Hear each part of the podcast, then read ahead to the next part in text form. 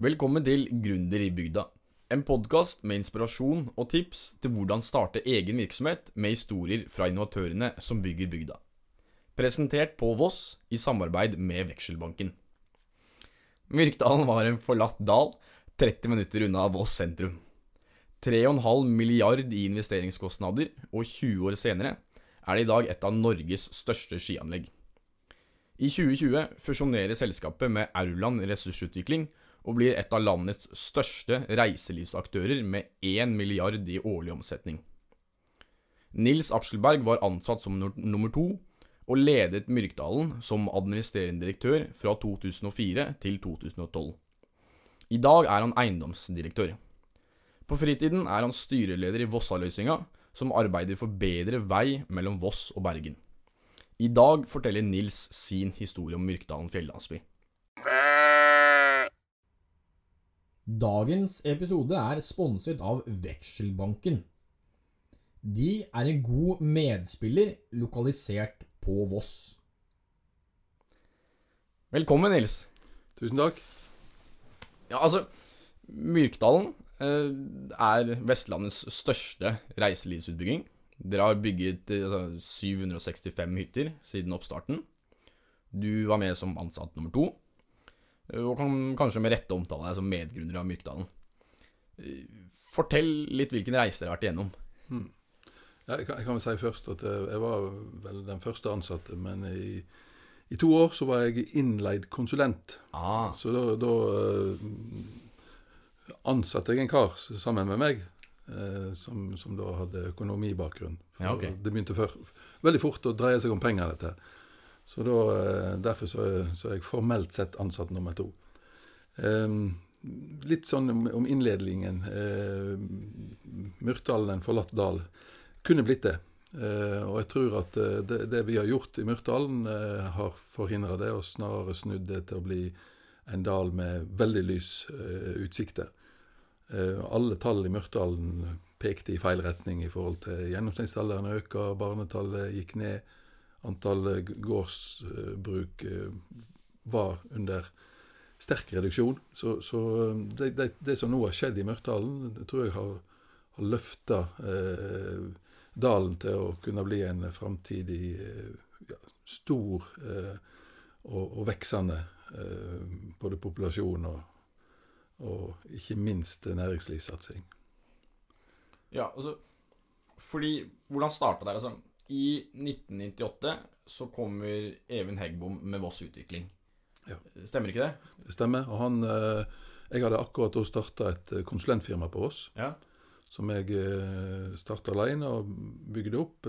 Vi var ti når jeg slutta, så det var jo ei sterkt og stor veksende bedrift. Ja, okay. Og en av de første som uh, dukka opp på mitt kontor som potensiell kunde, det var Even Heggbom. Han hadde med seg en tegning av et leilighetsbygg. Tegna av en jeg tror det var en polsk arkitekt, som han da skulle plassere opp i bygassliet i Myrkdalen. Og Jeg var med opp, og vi så på dette her, og jeg oppfatta jo ganske fort at han trengte litt hjelp til mye mer enn det ene bygget. Her måtte det bygges infrastruktur og, og alt som trengtes rundt dette, den drømmen hans om å etablere fritidsboliger. Så, sånn kom jeg inn i bildet. Jeg har av bakgrunn uh, utdanna for uh, prosjektering av vei, vann og avløpsanlegg. Og hjelpte han da i starten med å kostnadsberegne hva det ville koste å utvikle den, den lia da, som, som, nå er blitt ja, et av eh, Vestlandets største næringsutviklingsområde. Okay, men så, så Evin altså, har planen om å bygge ett leilighetsbygg. Hvordan går du fra ett leilighetsbygg til et fullverdig skianlegg? Det er, en, det er en grunn en artig historie, det òg. For eh, det som lå i Myrtdalen, det var en godkjent reguleringsplan for en campingplass med et skitrekk. Så der som hotellet vårt står i dag, der, eh, omtrent der skulle det være et eh, sanitærbygg for denne campingplassen. Og så skulle det være oppstillingsplasser for ja, campingvogner og bu bubiler. var vel kanskje ikke så veldig aktuelt på slutten av 1900-tallet, men, men, i alle fall så, så, tok vi tak i den planen. Reviderte den, forandra fra camping til hytte. Og heisen, den var der. Den, den skulle være et aktivitetstilbud for campingturister på vinteren. Så, så revisjon av en eksisterende reguleringsplan var egentlig starten. Og jeg kan ikke si at det var en enkel prosess, men en god del av de ytre vilkårene var da avklara. F.eks. reinsdyrsproblematikk, som eh, Ja. har vært en, eh, en evig eh, sak for oss hele tida mens vi har jobba. Det, det har vært en utfordring som vi har klart å takle bra, syns vi. Ja, ok. Altså, ja, fordi du, du sier at det var heis. Altså, da, da mener du ett trekk? Det, det var regulert inn ett trekk, ja, opp Mm. til, til, til Åndrehaugen. Og om, han tilsvarer omtrent der som Stolheisen, altså Myrkdalsekspressen, står i dag. Og den bygde vi i 2003. Eh, den var ferdig eh, Eller vi, starta da høsten 2002, og den var ferdig i 2003. Eh, nesten et år før vi hadde lovd. Og, det var egentlig da det tok skikkelig av, når, når bergensmarkedet så at jøss, her var det noen som gjorde ting før de hadde lovt. Så det tror jeg var et genitrekk. Og da fikk vi tak i en, en brukt trekk som ble revet en annen plass. Vi har to brukte trekk. ene kom fra Østlandet, ene kom fra Østerrike. Jeg husker ikke hvem som var først av dem, men i alle fall. Det ble bygd eh, veldig fort. Vi begynte høsten 2002 og åpna det i slutten av januar i 2003. Det første vi gjorde, var å, å grave vekk snøen, for snøen kom tidlig det året. For å planere løypene. Og vi venta da på at snøen skulle komme tilbake, men det gjorde han ikke før i slutten av januar. Så da kunne vi åpne det første skitrekket.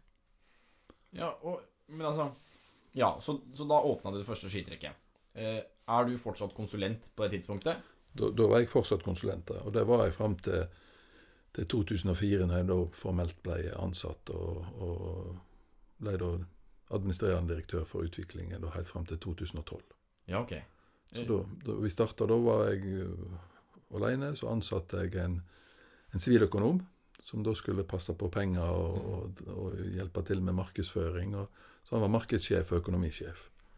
Etter hvert så fikk vi med oss ei dame som hadde jobba på Fleischer og hadde peiling på hotelldrift og ikke minst kurskonferanse. Så vi, ja, vi var en gjeng med, med ikke si glade amatører. Vi hadde jo bakgrunn da, men uh, vi hadde ikke noe eh, spesifikk reiselivserfaring. Men det vi utvikla da fra 2004 og fram til, til jeg overlot roret til andre i 2012 og konsentrerte meg om eiendom, det var et eh, fullverdig reiselivsprodukt som eh, ja, i dag har vokst eh, til å bli noe virkelig stort. Ja, og vi snakker om altså, administrerende direktør. Altså, du eh, har startet som administrerende med én eller to ansatte. Mm. Eh, hvor mange ansatte var det når du forlot eh, altså, stillingen som admin? Da var vi vel 150. I dag er vi over 200. Så det var en, eh, en utrolig kjekk reise. da. Ja, beskriv litt. Altså, hvordan var det å ha den rollen i de årene? Si, For det første så var det jo et, et fagområde som jeg ikke hadde noe som helst bakgrunn i, altså det med, med reiseliv. Så, så der støtta jo meg på, på de dyktige medarbeiderne som jeg ansatte, som heller ikke hadde så veldig lang erfaring. Han som økonomisjef hadde vært eh, sommervaktmester på Fleischer. Hun kunne litt, og hun, eh, hun som vi ansatte fra Fleischer, som da hjelpet oss med, med, med å bygge opp kurskonferanse og utleie. Eh, hun hadde jo hotellbakgrunn, så ja, det var en, eh, en fantastisk reise. og Et, eh, det er klart folk ble veldig dedikerte. Det, det ble ikke en jobb, det ble en livsstil. Mm. Og ja, vi hadde òg investorer, da. Even Heggbom, eh, Skage Eiendom og Petter Grendal i Grendal Holding som, eh, som eh, bidro veldig sterkt til utviklingen gjennom at de var ja, var gira, og de hadde gründertankegang i det som vi drev på med. Ja, altså fordi altså, 2004 så blir det etablert som et konkret selskap. Eh, Er det da dere også henter inn kapital? Ja, det begynte en med allerede i 2002. Eh, Vi satte spaden i, i bakken i mai i 2002 og bygde de første 17 hyttene. De ble levert i desember 2002. Så vi gjorde utrolig mye det første året. Bygde flere kilometer med vei og et kloakkrenseanlegg og vannforsyning, strøm, hele pakka. Og, og eh, 17 hytter som ble levert til, til jul. Så allerede da så, så var det jo kapitalbehov, og det øker jo etter hvert som vi øker eh, omsetningen på hytter og tomter. Og når vi da kom til toppen av det som i dag er Bygardslie, altså hyttefeltet, så eh, fortetta vi eh, nedre område, altså der, i nærheten av der som hotellet ligger i dag, med leiligheter. Og starta allerede i 2005 eh, med litt utleievirksomhet. Ok. Og da kjørte uh, han markedsøkonomisjefen og jeg rundt med ja, toalettpapir og, og, og, vaskemidler i bilen, og, og, og serva de da som som bodde på utleie i oss. Så vi hadde jo ikke noe stort profesjonelt apparat bak oss. Men vi, hadde, vi bygde ei, ei varmestove. Fire Moelven-brakker som vi satte opp når vi åpna skianlegget. Og var, Det var varmestove, det var toalett, det var en liten kafé i de fire brakkene. Og der hadde vi òg en, en, liten disk der eh, bookingen foregikk. Altså folk var og henta nøkler til leiligheter som de skulle eh, hente. da. Og så um, hadde vi ei brakke til, til skiutleie. Og vi hyrte allerede fra første året inn eh, ei som drev skiskolen vår. Og vi hadde så små fasiliteter, så den ble i det første året drevet fra en benk utafor eh, den varmestua. Så der møtte kundene opp og, og ja, fikk tildelt eh, time for skiinstruksjon. Og drog fornøyd hjem igjen med ny kunnskap altså, Du forteller at dere altså, driver litt sånn hobbybasis. Men altså, dere får med dere altså, det som var Møller eiendomspartner. Altså ja. Møller-familien. Eh, og de er jo blant Norges rikeste. Eh, og der får dere med han Egil Svoren. Kan du fortelle litt om den prosessen der? Ja, Det var jo eh, Even Heggbom da, som uh, hadde kontakt med dem og fikk dem til å uh, se at her, her, var et potensial. Og si at uh, uten deres innsats hadde ikke vi vært der vi, vi er i dag. Mm. De hadde òg kompetanse på, på, stedsutvikling og bygging av store leilighetskompleks. Så, så, de hadde kompetanse, og de, jeg tror de så på dette som et veldig spennende prosjekt. Og har vært med hele tida. I dag er jo de da medeier i Norway's Best, som selskapet heter i dag. Da, der Flom og Myrkdalen er slått sammen. Men altså, når dere begynte i 2002, skisserte dere liksom at eh, tre milliarder senere, så, så, er vi her? Vi hadde jo en plan uh, som ble vedtatt i Voss, Voss kommunestyre i, i, 2001. En reguleringsplan for 350 hytter. Ja. Jeg var sjøl i salen den dagen uh, det vedtaket ble gjort. og da gikk representanter for de fleste politiske partier på, på talerstolen og sa at 350 hytter og aldri noe mer i Myrkdalen. Det var det var nok. Det var limit. I 2010 så vedtok Voss kommunestyre en plan for uh, hele Myrkdal, altså en kommunedelplan, for 3400 fritidsboligenheter. Så, så kommunen har òg hatt en reise, og, og ifra en ja, litt hoderisting i 2001 til virkelig tro på at her får en til noe i, i 2010. Da.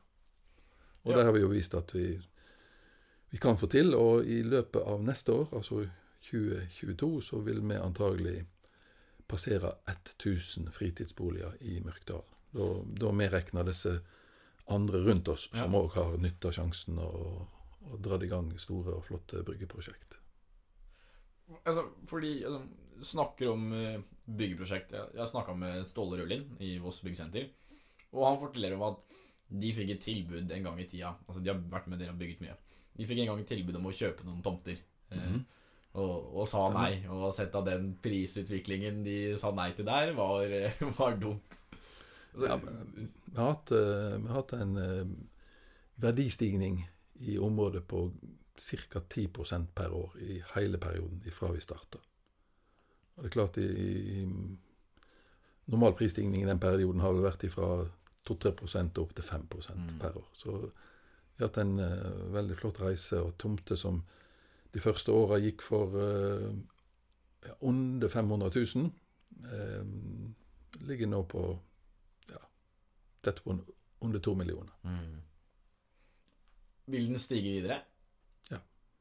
Hvor, hvor når du noe tak, liksom? Si, I dag så er vi jo på, på pallen eh, i, i, Norge når det gjelder hva vi klarer å få ut av fritidsboligmarkedet.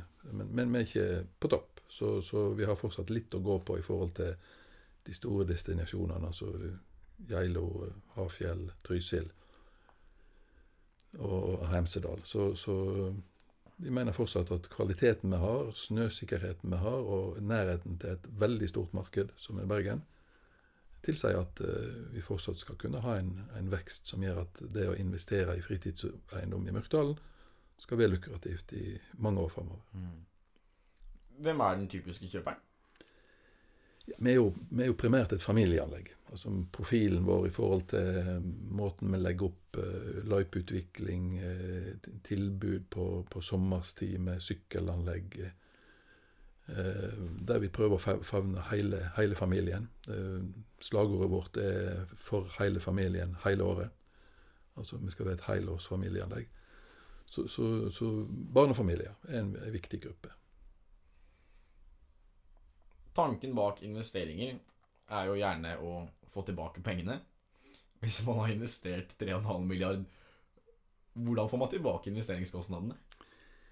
Si, nå, nå, sitter jo eierne våre med en eh, ganske stor eh, eiendomsmasse da, i Myrtdal. De eier heiser, de eier hotell og, og leilighetsbygg. Eh, så, så um, per i dag så har ikke de tatt ut penger. De har uh, reinvestert alt og, og bygd opp en stor verdi. Så det, bare i selskapet vårt så ja, Nå etter fusjonen så har ikke jeg sånne eksakte tall, da, men vi ligger vel en plass mellom en halv og en milliard i verdier i, i fjellandsbyen. Pluss uh, utbyggingsavtaler og utbyggingsretter som òg da gir store verdier for eier. Ja, for, hvordan, sånn konkret, hvordan fungerer det med å utbygge? Altså, dere får reguleringsplanen på forhånd med kommunen, men dere må jo forhandle med grunneiere? Vi har en utbyggingsavtale med, med de seks grunneierne som, som, eh, vi bygger ut på nå. Eh, den er helt tilbake igjen fra 2001. Så, så, den avtalen ble inngått i 2001, og så server vi bare og syter for at det skjer en utvikling, og at det skjer en utbygging. Og de får betalt per enhet som er utvikla. Ok, ja. så det er per enhet de får betalt? Ja. Men kjøpt, altså Var det en opsjon på anlegget, eller betalte dere der og da? Nei, med den utbyggingsavtalen så vi betalte ingenting før vi begynte å utvikle enheter. Så når vi overleverte nøkkelen til den første hytta, så fikk eh, grunneierne sin, ja, okay. sin eh, ja, tom, tomtebidrag. Og når dere utvikler i det tempoet dere har gjort, så altså, Du må jo finansiere deg. Hvordan gjør man det? Ja, Der har vi jo hatt en, en, en fantastisk reise. Når vi starta, så støvsugde Even Heggbom bankmarkedet. For liksom det å komme med et prosjekt eh, i en, lita, en liten dal langt inn i Vestlandet og si at her skal det bli stort Det er ikke alle banker som biter på det. Så det, det var en, en, en, tung sak, egentlig. Så han, han snakka med mange banker. og havna til slutt da med Voss sparebank, altså den lokale banken, som var med oss fra starten av. Og det, det var òg ei, svært viktig eh, grunnlag for at vi har fått til den utviklingen.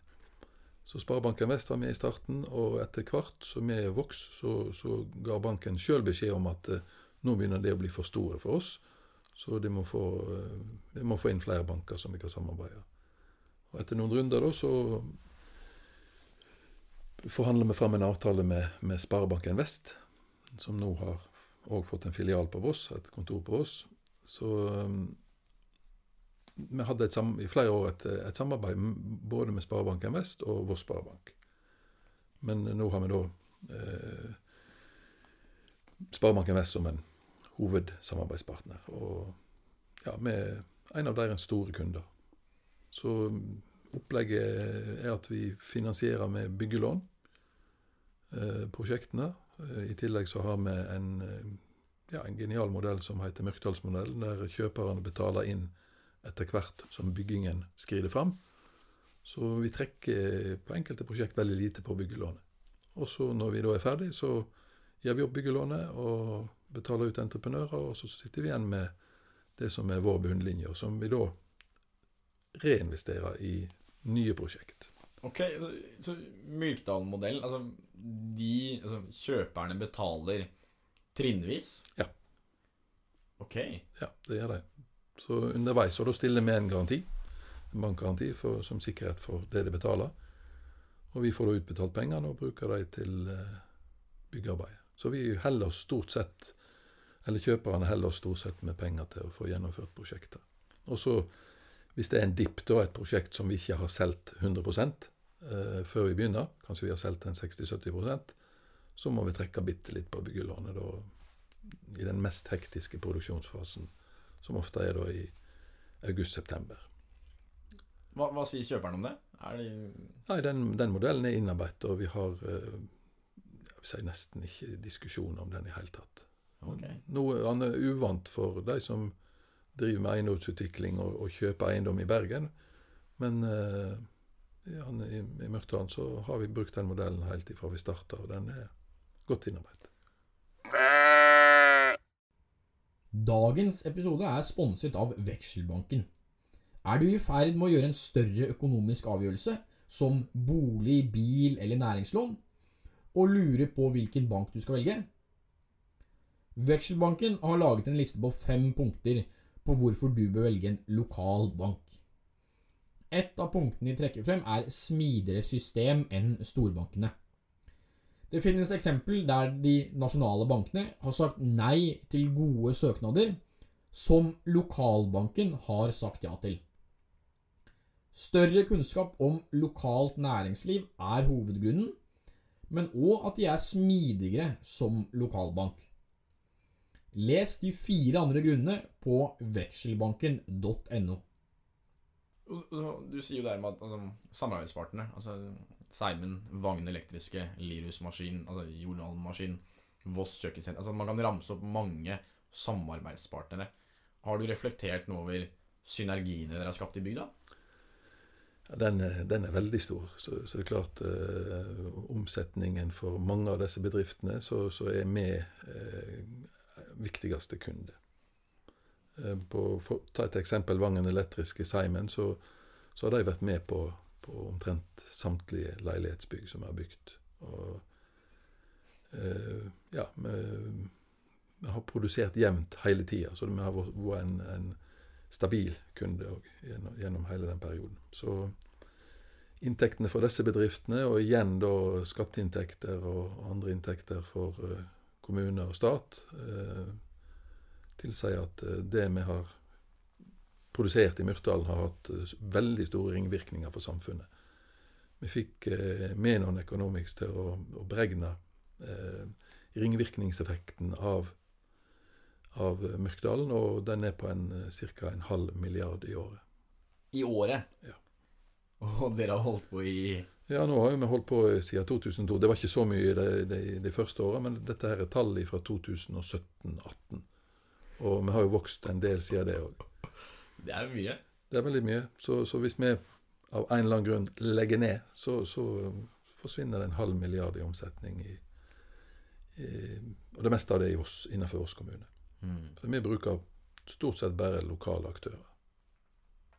Ja, for altså Dere har jo blitt et stort konsern med mange datterselskaper. Altså, kan du fortelle litt hvordan dere er organisert? Altså, hvordan strukturen er? Ja, Nå er jo vi i ferd med å gå inn i Norway's Best, altså Flom-konsernet. Så, så da blir det jo en litt annen struktur. Men opp til nå så har vi hatt uh, Myrtdalen Fjellandsby AS som et konsernselskap, som da eier datterselskaper. Og det er da Myrtdalen Fjellheiser, som, som driver med heiser og løyper. Myrtdalen Hotell, som drifter hotellet. Og så har vi da eh, flere eiendomsselskap som, som da betjener eiendomsmassen. Myrtdalen Hotell Eiendom, Myrkdalen Eiendom. Og så har vi da et eh, infrastrukturselskap som selger klokkeavgifter, som heter Myrkdalen Renseanlegg. Og vi har jo gjort alt sjøl. PT så er det ikke en meter med kommunale anlegg i Myrkdalen. Vi bygger veier og drifter veiene. Vi bygger vann og kloakk og drifter det. Og så har vi samarbeid med Myrkdalen Vassverk, er et privat vassverk som har vel oss som 90% av sin abonnementsmasse. Eller kanskje 95% òg. Altså, Jeg har tidligere snakka med Øyvind Wele i Voss Resort, og han forteller at altså, den her heisdriften er utfordrende å få lønnsom. Altså, fordi det er veldig store vedlikeholdskostnader og driftskostnader. Og det er ikke nødvendigvis der du tjener pengene. Hva tenker du om det? Si, det som gjør, gjør eh, heis litt spesielt, er at heis er en slags fornøyelsespark. Og, og den må du fornye jevnt. Så du kan liksom ikke bygge opp et heisanlegg og si at nå er vi, er der vi skal være. Uh, gjestene våre forventer at det er nye løyper og nye heiser hele tida. Så, så, omtrent hvert år så må du ha en nyhet for at eh, folk skal synes det er kjekt å komme og, og besøke oss. Vi starta opprinnelig som et uh, aktivitetstilbud for et, ei hyttegrend. Og da Det var jo ikke noe positiv økonomi i det. Vi måtte bygge en god del i starten for å betjene de første par hundre hyttene. Eh, men etter hvert så er dette anlegget blitt så stort og så populært at uh, dette er en, en, god business i businessen. Så Myrtan Fjellheisa bidrar da med, med, gode inntekter på et tidsrom av året der vi ellers ikke har så mye inntekter. Altså det er fra, hovedsakelig fra, fra jul og så fram til påske. Mm.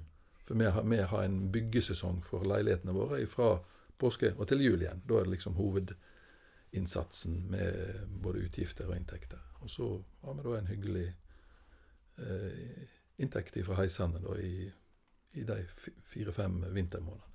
Og så har vi da hotellet som da kom i 2012, og som, som eh, da er blitt et helårshotell. Åpent 365 dager i året, i alle fall før koronaen kom. Mm. Nå er det litt annerledes det siste året. Så, så, på mange måter så er dere et eiendomsselskap med et skianlegg på si?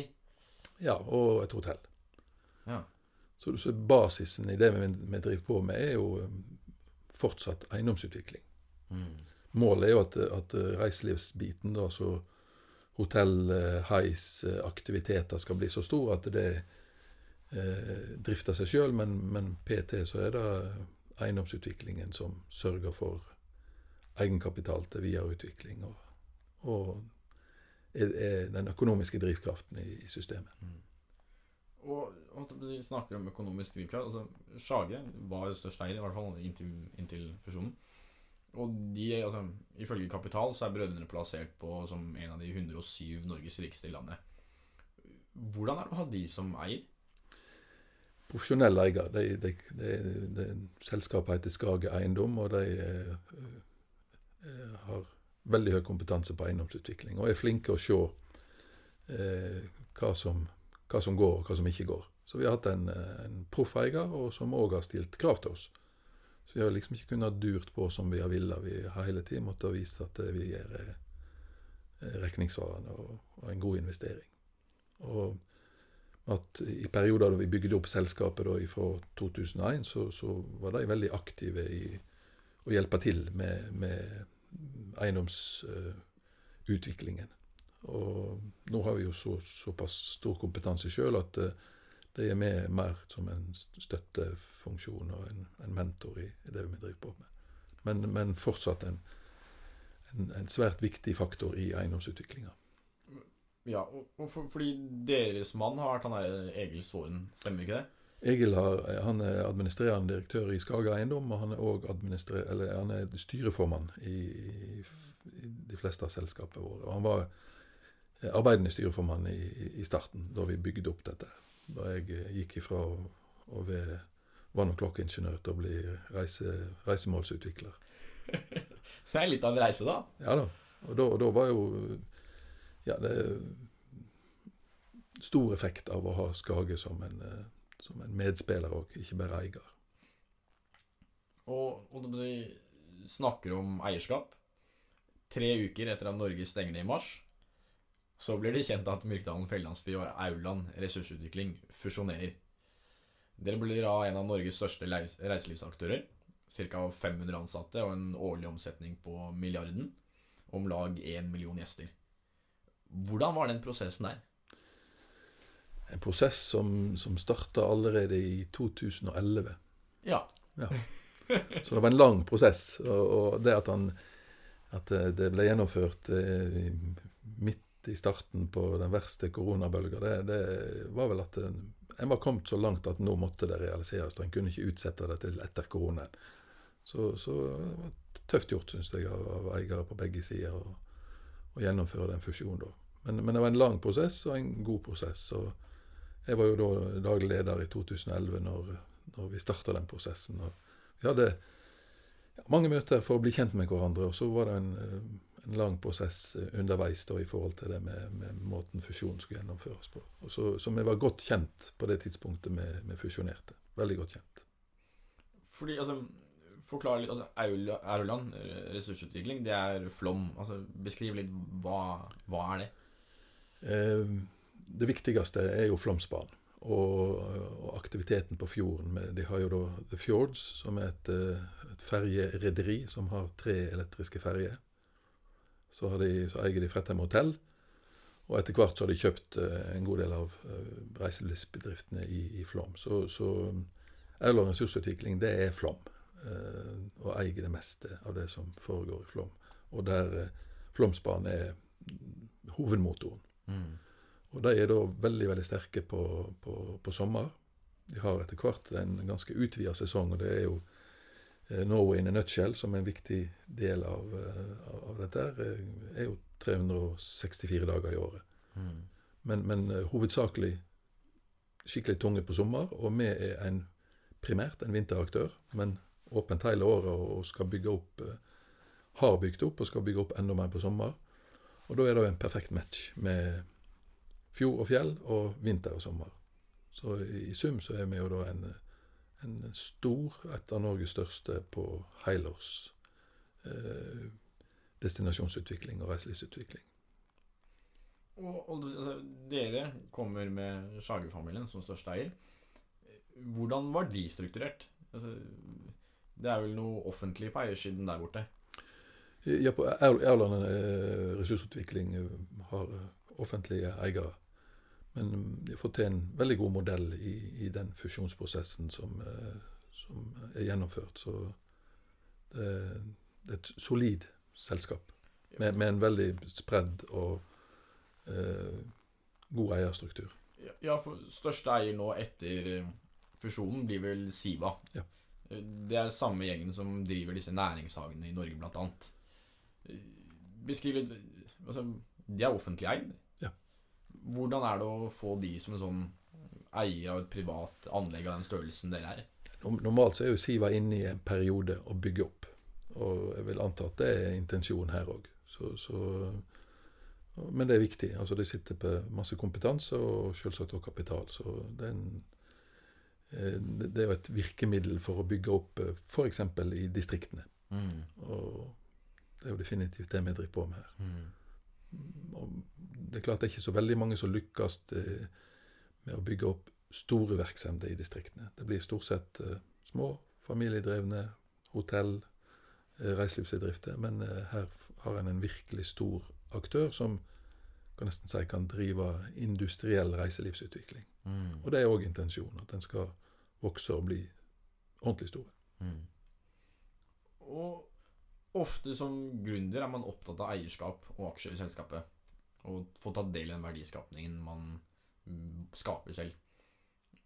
Du har ingen aksjer i selskapet?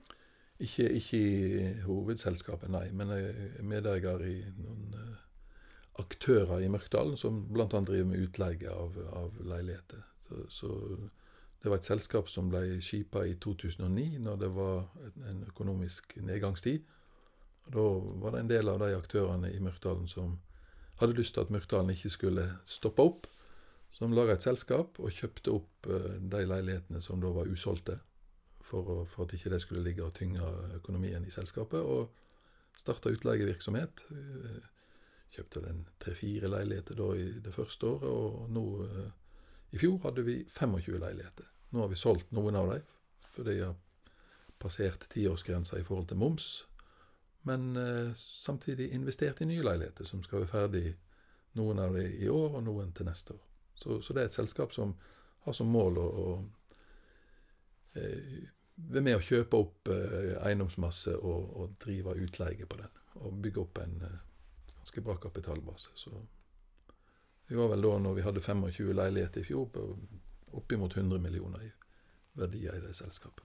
Det var det med å starte da i 2009. Det var en gjeng som var med og starta, og der er, er det med forskjellige aktører. Entreprenøren, altså Seimen er med, Bygasslig grunneierlag, altså grunneierne er med. Eh, Skage, eh, eiendom er med, som, som Skage eiendom, ikke som Myrtdalen fjellandsby. Og ja, taubaneteknikk som bygger heiser for oss. Så det var en, eh, en, en bra samling, og noen private investorer som, som er gått inn her. Og, og veldig grunneieren er en av de største eierne i det selskapet. Så det er en fin eh, viktig virkemiddel i eiendomsutvikling å ha noen sånne å støtte seg på. I tillegg så finnes det flere òg, som bl.a. Simon. Eh, de har et utleieselskap som kjøper litt leiligheter og driver utleie på. Og grunneierne våre har et eget eh, eiendomsselskap der de kjøper utleieobjekt og driver utleie. Men tenker du noe på altså, Hvis du i 2002 hadde slengt med noen aksjer her, altså, hvilken verdistigning du kunne vært med på nå? Ja, det, er en, det er en fantastisk tanke, og det er klart at uh, det, det, var så travelt at han hadde ikke tid å tenke på sånne ting, for å si det sånn. det var, og det var så kjekt. Eh, altså det, det har hele tida vært så eh, enorm utvikling i det å jobbe i Myrtdalen. Eh, vi etter de første åra het vi Voss Utvikling, og så ble vi Voss Fjellandsby, og så Myrkdalen Fjellandsby.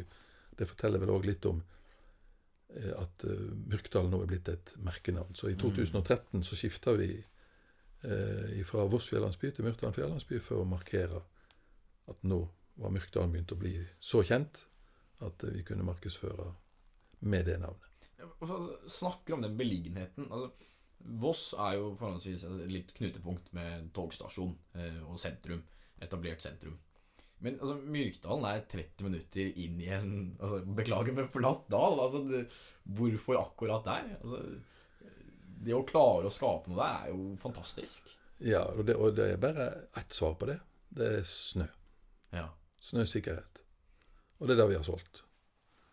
Og så har vi jo da en fantastisk natur som gjør at vi òg kan utvikle eh, sommerprodukt. Eh, mm.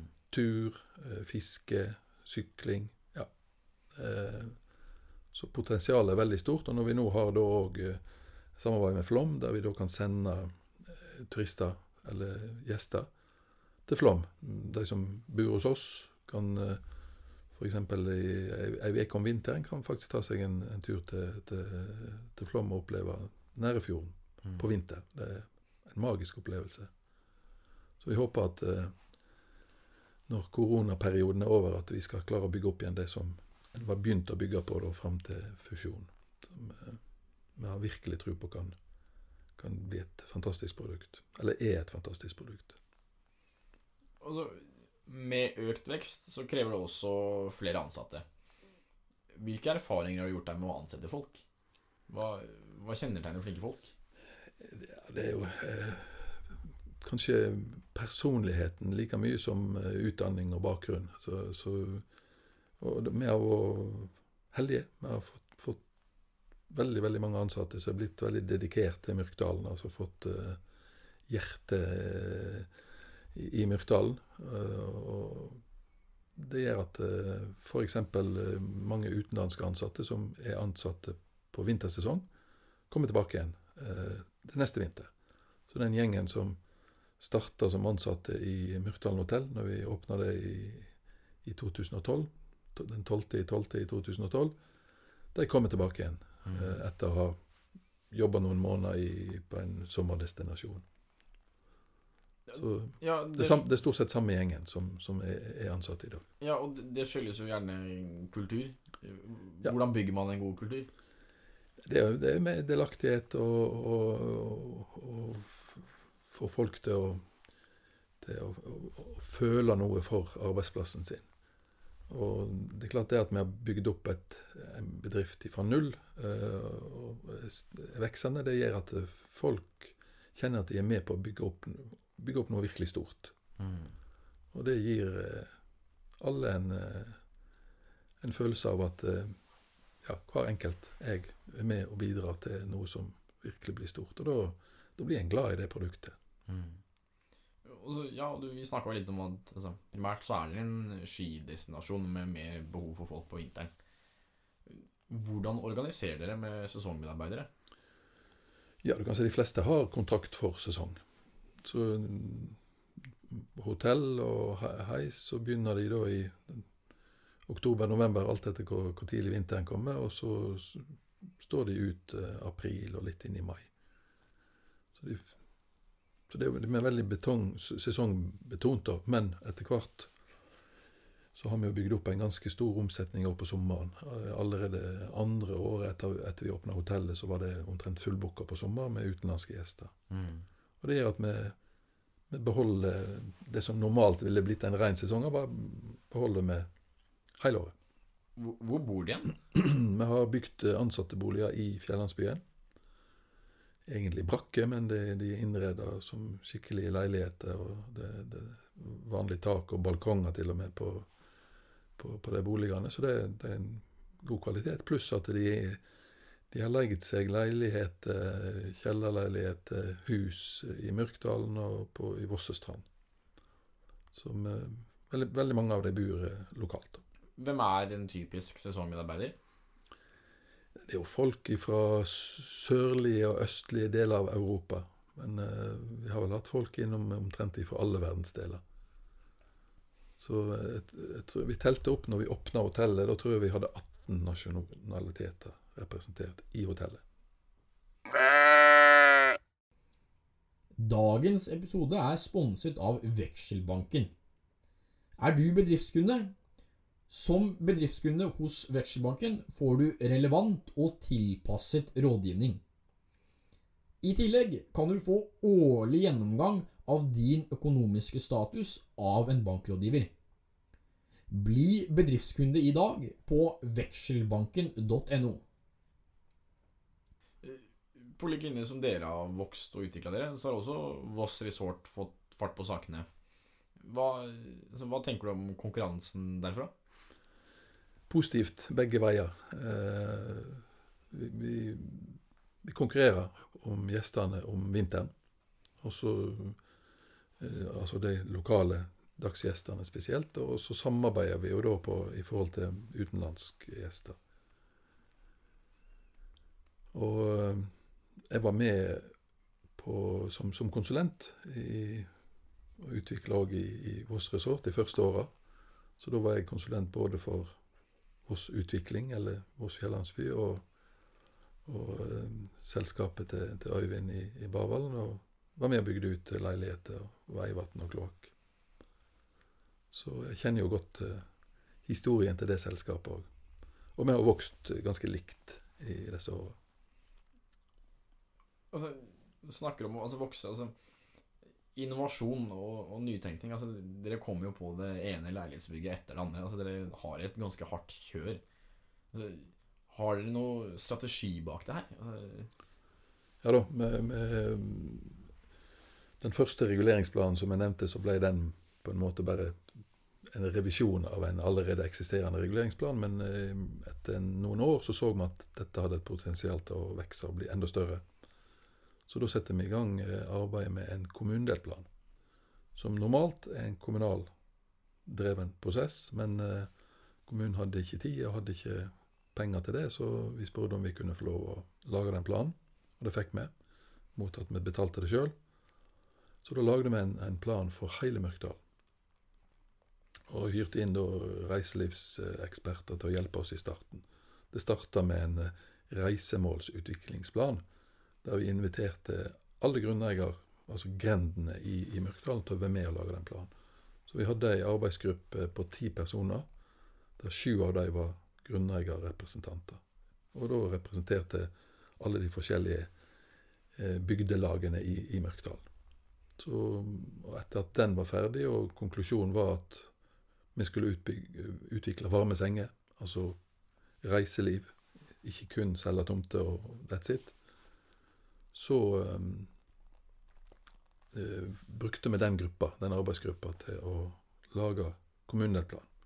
Det er en prosess som totalt tok nesten fem år. Okay. Og den ble vedtatt i 2010. Og det er den som er grunnlaget for utviklingen nå.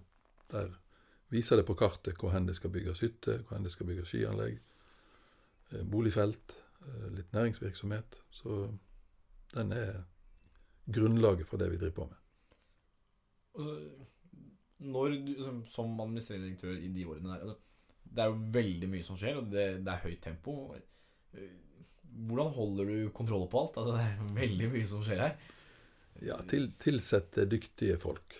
Ja. Så etter hvert så, så måtte vi jo øke staben. Og, og ifra å være eh, en bitte, bitte liten administrasjon, så, så ble jo hovedadministrasjonen større. Og det ble da òg eh, bygd opp administrasjoner på hvert av de enkelte datterselskapene. Da spesielt eh, Myrtdalen Fjellheisa og Myrtdalen Hotell når det kom. Og dyktige medarbeidere, det, det var en, en, avgjørende faktor for at vi ble en suksess. Ha, altså, har du noen tips til hvordan håndtere altså, den arbeidsmengden du har lagt ned? Eh, du, du jobber mye? Ja, og hovedgrunnen til det er at det, det er rett og slett kjekt. Altså det har det kjekt på arbeid, og da, da på en måte da, da, da takler en òg stort arbeidspress. Så, og det tror jeg det gjelder, gjelder også kollegaene våre. For det Vi har jo eh, sesongvariasjoner i det òg. Tidligere hadde vi veldig tydelige sesongvariasjoner. Det var deler av året det var vi kunne liksom puste litt ut og ta det med ro. Men nå driver med helårsvirksomhet, så nå er det egentlig tøft kjør eh, det meste av året. Du har tidligere jobbet eh, tolv år i Voss kommune. Du er sivilingeniør. Eh, holdt jeg på å si, Selv på fritiden så er du aktiv som styreleder i Vossaløysenga. Altså, det er en interesseorganisasjon som ønsker å få bedre vei mellom Voss og Bergen. Fortell litt om det. Det er et selskap som er eid av de 14 av de største bedriftene på Ås. Der er Ås Energi, Myrkdalen, Voss Resort, eh, bankene våre og entreprenørbedrifter. Og vi har òg eh, samarbeidsbedrift som f.eks. Voss Gymnas, som er, som er tilslutta dette og har styrerepresentasjon. Og så har vi eh, over 100 medlemsbedrifter som da bidrar med, med årlige bidrag til, til, til, det arbeidet vi gjør. Vi driver lobbyvirksomhet. Og i tillegg så lager vi store arrangement. Vi har hatt uh, I fjor høst så hadde vi besøk av uh, samferdselsminister Hareide, og det var 13 stortingsrepresentanter. Hele Hordalandsbenken var på, på Voss. Og et stort panel fra Statens vegvesen, Bane NOR, Eh, Forum Nye Bergensbanen, som jobber for, for, for Bergensbanen fire timer som en, en, drøm. Og vi arrangerte da et folkemøte, eh, denne gangen på Scandic. Og, og, året før så hadde vi et tilsvarende folkemøte med stor politisk deltakelse eh, noen få dager før valget. Så det, det gikk på at de forskjellige politikerne skulle si hva de mente om K5. Det hadde vi oppe på Hangerstoppen, på nyrestauranten der. Så vi har prøvd å legge eh, noen sånne store arrangement rundt knutepunktet, da. Altså jernbanestasjonen, gondolen. Og det har, det har gjort at det har blitt et uh, politisk fokus på K5. Og Hordaland fylkesting vedtok da i mai i fjor at uh, det skulle prioriteres på topp fra Vestland fylkesting. Ja, nå sa jeg Hordaland fylkesting, men det er Vestland fylkesting. Og I tillegg har Bergen kommune prioritert det helt på topp, rett bak Bybanen, men det er det største si, eksterne prosjektet jeg har prioritert. Og selvsagt eh, Vaksdal kommune og Voss kommune har, har, prioritert det helt på topp. Og det medfører at det nå ligger i første delperiode i den NTP-en som skal behandles på Stortinget i juni i år. Og vi, forventer at det, det, blir vedtatt, og at den planen blir lagt til grunn for videre arbeid. Ja, for, det, for, for altså, det er veien mellom Voss og Bergen som Ja. Vei og, og jernbane. Ja. ja. Begge deler. Og det er vel en av de mest ulykkesutsatte Det er en E16 mellom Bergen og Voss er svært ulykkesutsatt. Det var over 50 eh, døde i trafikken der fra 1990 og fram til nå. Så det, det, er et, eh, det, er en strekning som definitivt krever utbedring.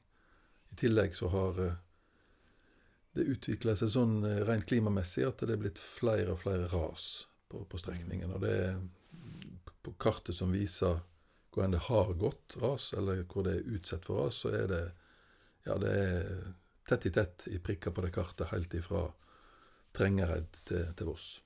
Så det er en, en rasutsatt strekning som må gjøres noe med. Og den er viktig for oss i, i Myrkdalen òg, for vi inviterer jo folk til å komme og besøke oss eh, hver eneste helg hele vinteren. Og vi ønsker at de skal kunne komme og reise hjem igjen trygt, uten å utsette seg for fare. Og når det gjelder jernbane, så er det jo eh, primært å få utvikla den gamle Bergensbanen som ble bygd på slutten av 1800-tallet, og som ligger der den dag i dag. Store deler av strekningen er på det gamle sporet. Og det er jo lange strekninger der eh, farten på toget er langt under 50 km i timen. Så med en ny Bergensbane, som, sånn som man er tenkt i K5, så halverer en kjøretida mellom Bergen og Voss. Og det vil jo få stor betydning for bu- og arbeidsmarked. Da kan en uh, jobbe i Bergen og bo på Voss. Og vi tror jo at det kan, eh, kan medføre at Bergen sine ekspansjonsplaner i forhold til at de skal vokse med ganske mange 10 000 mennesker fram til 2050, at eh, strekningen Bergen-Voss blir en del av det buområdet som de ser for seg å ekspandere i. Og det, vi mener at det må jo være fantastisk for en bergenser å flytte til Voss og fortsatt kunne jobbe i Bergen og ha en halvtime reisetid. Med podkasten så ønsker jeg å inspirere unge til å, bli bygda, starte selskaper. Eh, Hvilke argumenter vil du gi til ungdommen for å bli på Voss? Skape arbeidsplasser her? Voss eh, har jo et, eh, et, en, en utrolig natur som, som gjør at vi virker som et trekkplaster. Vi har veldig veldig mange som kommer til Voss pga. naturen, pga. Ja, ekstremsport eller sport som sådan. Og vi har veldig mange turister som, som eh, kommer til eller reiser forbi Voss pga. at vi ligger midt i hjertet av Fjord-Norge. det, det gjør at vi har en, eh, et eh, stort potensial for, for næringsutvikling så, som på ingen måte er nytta fullt ut. Så for de som har lyst til å bli værende i bygda si, med å bygge ut det som noen aktører har fått til ganske godt. Eh, både innenfor reiseliv, innenfor for ekstremsport og, og familiesport. Altså eh, Voss Aktiv, for eksempel. Så, så eh, vil jeg si at her, er, her kan de virkelig ha en framtid. Sørg for å få en utdanning som gjør at de kan tilføre god kompetanse til, til den utviklingen. Og, og enten bli ansatt i firma som jobber med dette, eller være med å bygge opp ny virksomhet. Så gründermuligheten på oss, den, den, er stor i årene som kommer. Og får vi til K5, som gjør at vi kan knytte oss enda sterkere til Bergen, så vil det bare styrke, styrke oss. Et eksempel er jo Åre i Sverige, som, som er en sånn eh, smeltedigel av, eh, av gründere og utviklere som da liker å stå på ski, liker å, å bo landlig. Mange av dem kommer fra Stockholm og de store byene og bosetter seg i Åre og, og driver forskjellig gründervirksomhet, nettbasert eller, eller lokalbasert. Hvilke, hvilket karrieretips vil du gi til 20 år gamle Nils? Når jeg, I sin tid så ble jeg anbefalt av eh, lektoren på, i matematikk på gymnaset at jeg burde eh, gått på NTH. Mm. For han så at jeg hadde ja, evne innenfor realfag, ingeniørfag. Og så ta en utdanning, supplere med pedagogisk utdanning. Og kanskje da hadde jeg valget mellom å bli ingeniør eller drive med undervisning innenfor enten ingeniørfag eller eller realfag. Så jeg fulgte det rådet og, og ble sivilingeniør, og så vel at jeg måtte ta en retning som gjorde at jeg hadde stor valgfrihet, og da tok jeg da det som vi nå kaller for kommunalteknikk, altså veivann, kloakk, utvikling av eh, boligområde, tomteområde. Så, så ja, skaffe seg en utdanning som gjør at en eh, har stor valgmulighet. Og ja, jeg havna tilbake igjen til Voss. Det var det var naturlig. Både jeg og kona mi har røtter i, i Voss. Jeg er sjøl oppvokst på Dale, men bodde, bodde på, på, Voss da under gymnastida. Så um, sørg for å få en, en, en bredere utdanning. For Vossasamfunnet trenger gründere og, og, folk med masse forskjellig kompetanse for for å kunne lykkes. Altså, hvis vi nå avslutningsvis skal reflektere litt eh, Hvilken faktor har vært mest avgjørende for din suksess? Det, altså det, det å kunne stå på, altså arbeidskapasitet, men òg det å kunne glede seg over det en får til. Og inspirere andre til å, til å være med på, på, på laget. Da.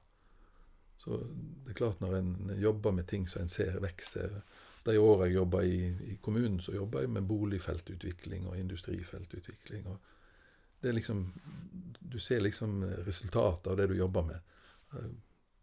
Kjempeglade folk som får bygd seg et hus og får flytta inn i hus, eller en bedrift som får utvikla seg på, på industriområdet. Eller.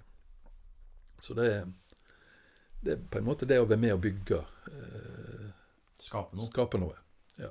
Og, og har, du nevnte at jeg, jeg jobber med som styreleder i Vossaløysing. I tillegg så har jeg vært veldig engasjert i idretten. Mm. Eh, altså som, som, trener og som eh, i styret. Eh, først og fremst i mitt, eh, vårt lokale idrettslag Ørna. Men òg eh, i andre eh, aktiviteter som barna mine har, har drevet på med. da. Så, så har hele tida syntes det var kjekt å se at eh, den arbeidsinnsatsen en, en, gjør, kan være til glede for andre, og at en ser at det er en utvikling. og, og ja, En er med å bidra positivt til, til en brei samfunnsutvikling, både på fritid og jobbmessig.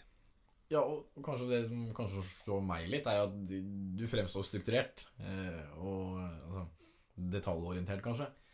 Stemmer det, eller? Jeg er utdanna eh, ingeniør, og det er klart det ligger, det ligger jo litt i, i, utdanningen eh, at en skal da bli analytisk og, og, og, og strukturert. Så jo, jeg, jeg er nok der.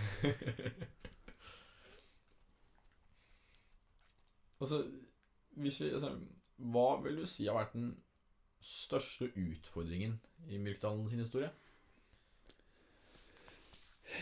Det er vel eh, å, å, komme over den kneiken der en får folk til å virkelig forstå at dette her blir det noe av.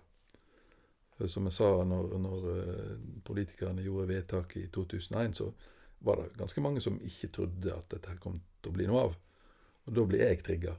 For jeg, jeg, liker å jobbe Jeg liker å jobbe med ting som kanskje ikke blir eh, eh sett på som eh, som noe som en er sikker på at folk skal få til. Det, det trigger meg ekstra. Da ønsker jeg å bevise at eh, dette skal vi jammen få til. Og det er vel kanskje litt av gründersjela, da, at en eh, tar tak i ting som kan synes uh, veldig vanskelig. Har du noen tips til hvordan håndtere motgang? Jeg tror det, det er å, å, være optimist. Altså, i, i, i, motgang så må en liksom prøve å finne hva, hvor hen kan vi få til en, eh, en positiv utvikling som gjør at vi kan løfte hele produktet. Altså finn, finn den delen som òg kan vise at her, her, får en til noe. Da får en med liksom hele, hele, hele prosjektet. Så finne ting som gjør at folk ser at her, her får en ting til. Og altså, Det er ikke til å legge skjul på at det blåser godt på toppene. Eh, litt research i lokalavisa viser at det har vært en del uenigheter om vann og avløp og renseanlegg med hytteeierne. Eh, hva tenker du om det? Nå er jo jeg vann- og avløpsingeniør sjøl, og, og, akkurat den biten er jo en relativt liten del av, av virksomheten vår der, der oppe. Så, og en del av virksomhetene der, jeg sjøl har en del kompetanse. Så det er klart det, eh, Dette går vel litt på forståelse av hva dette er for noe. Eh, så, så kanskje sånn pedagogisk så burde vi gjort en bedre jobb helt fra starten for å forklare at sånn kommer det til å bli. Og det er klart, eh, det vi har gjort, at vi har bygd opp alt fra scratch. Vi har måttet ha gjort alt sjøl. Og vi har investert f.eks. i kloakkrenseanlegg, så måtte vi investere for framtida. For vi hadde tro på at dette kom til å bli mye, mye større enn de 350 hyttene. Så det gjorde at vi, vi måtte legge inn grunnlagsinvesteringer dette for at det skulle kunne utvikles til å bli stort nok til å takle eh, mange, mange hytter og leiligheter. Og det gjør at eh, eh, kostnaden i en tidlig fase blir, blir større enn kanskje folk kunne ønske. Og altså, ofte så opplever gründere altså, motgang og treghet fra det offentlige. Altså, du er litt inne på dette med vann og avløp. Eh, og det verste en gründer vet, er liksom byråkrati og regler. Du har jo stått på begge sider av gjerdet eh, som kommunalt ansatt i mange år. Eh, hvilken refleksjon gjør du deg om det? Jeg tror kanskje det er en av mine største styrker. At jeg kommer fra kommunen og kjenner altså det byråkratiske systemet. Sånn at når jeg da ble næringslivsaktør, så, så visste jeg hvordan jeg skulle forholde meg til ting, og hva kvalitet kommunen ønsket, og, og, og hvordan de ønsket at saksbehandlingen skulle gjennomføres. Så vi har hele tida hatt et veldig godt samarbeid med Voss kommune. og Det har vel litt med at en har snakka med de rette folka, på rett tidspunkt i forhold til den planfasen, og, og at vi har lagt fram eh, planer og, og byggesøknader som har vært godt gjennomarbeidet på, på de tinga som kommunen spesielt setter lys på. Og altså, Myrkdalen har hatt sterk utvikling og store investeringskostnader eh, de siste årene.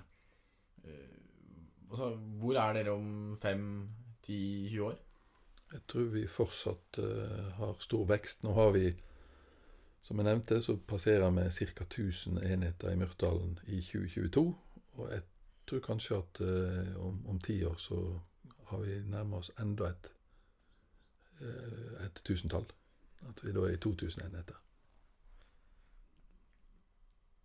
Fortsatt da som Auland ressursutvikling eh, kollasjon, eller Ja, nå heter- Nå heter selskapet Norway's Best. ja. Og det, det, det, jo, det stiller jo krav til oss som jobber der. At eh, Det ligger jo liksom selvsagt i Norway's Best, eh, opplevelsen med Flåmsbanen, nære fjorden, eh, alt dette her. Men vi har en intensjon om å bli eh, en av, og kanskje Norges beste på å utvikle fritidssegmentet. Og det, det ligger jo i at når vi sier en helårsdestinasjon, altså for hele familien hele året, så var vi ganske tidlig ute og sa at vår visjon var at vi skulle bli en av Nordens beste aktører innenfor det. Mm. Og når vi på, når vi på Voss sier 'blant de beste', så skal vi på pallen. Altså Da skal vi på topp tre. Der har vi jo medaljebygd av oss eh, en lang tradisjon for at vi, vi nøyer oss ikke med fjerdeplasser. Det skal være aller helst på toppen av, av pallen. Så vi har en intensjon om å bli Nordens beste helårs reisemål for familien. Og det, det er mulig. Det, det kan vi få til. Vi konkurrerer med Åre, Hemsedal, Trysil, Geilo. Og vi har fulgt mulighetene med plasseringen vår i Fjord-Norge til å bli den beste. Mm. Altså, vi har jo snakka litt om det. Altså, dere fusjonerer i den verste koronaperioden.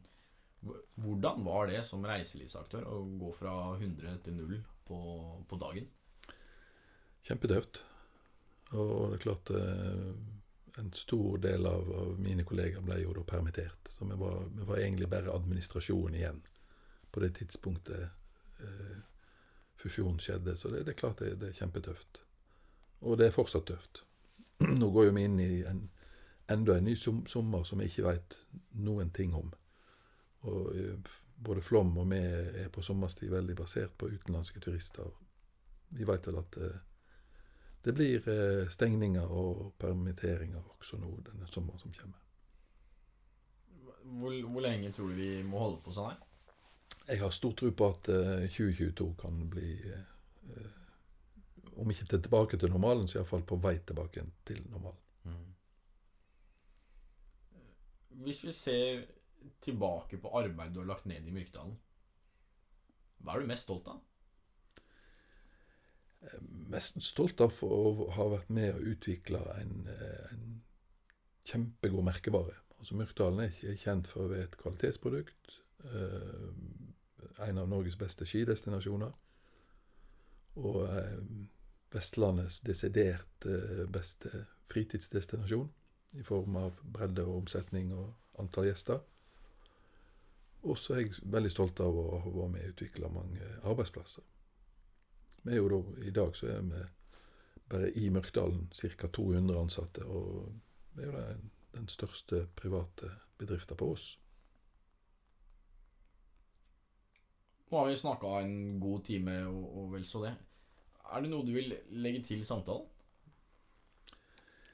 Nei, det, jeg kan bare si det, det, og det går litt sånn ifra gründerperspektiv. Og det er klart det å, å ha vært så heldig å fått være med på den utviklingen helt ifra null. Eh, som sagt, jeg begynte i, i 98 når Even Heggbom kom og spurte om råd.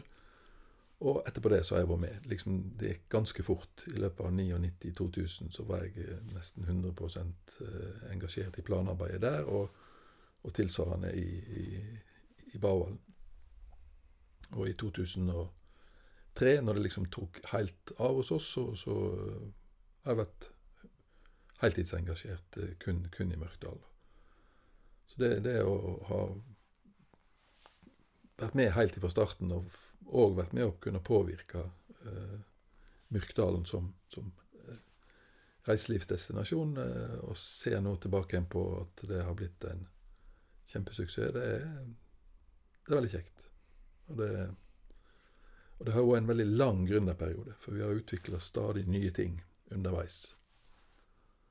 Så eh, vi kan vel si at nå begynner vi liksom å komme over i en driftsfase. Nå er på den måte en del av gründervirksomheten et tilbakelagt stadium. Og derfor så går vi nå i gang med en ny del av Myrkdalen, altså Mørkved-Skjervøymusbyggingen, som nesten begynner på null igjen. Så da, er, da, får jeg litt sånn følelse av uh, Den samme følelsen som jeg hadde da i 2002, når vi starta i, i Bygasslia. Litt, litt sånn Av og til litt sånn uh, Jeg kjenner litt gründerfølelse igjen. Og det, det er kjekt. Og med, altså, med, med, nye leiligheter i prospektet, så ønsker jeg å takke for praten, Nils. Det har vært veldig givende å ha deg her. Takk likeens. Takk.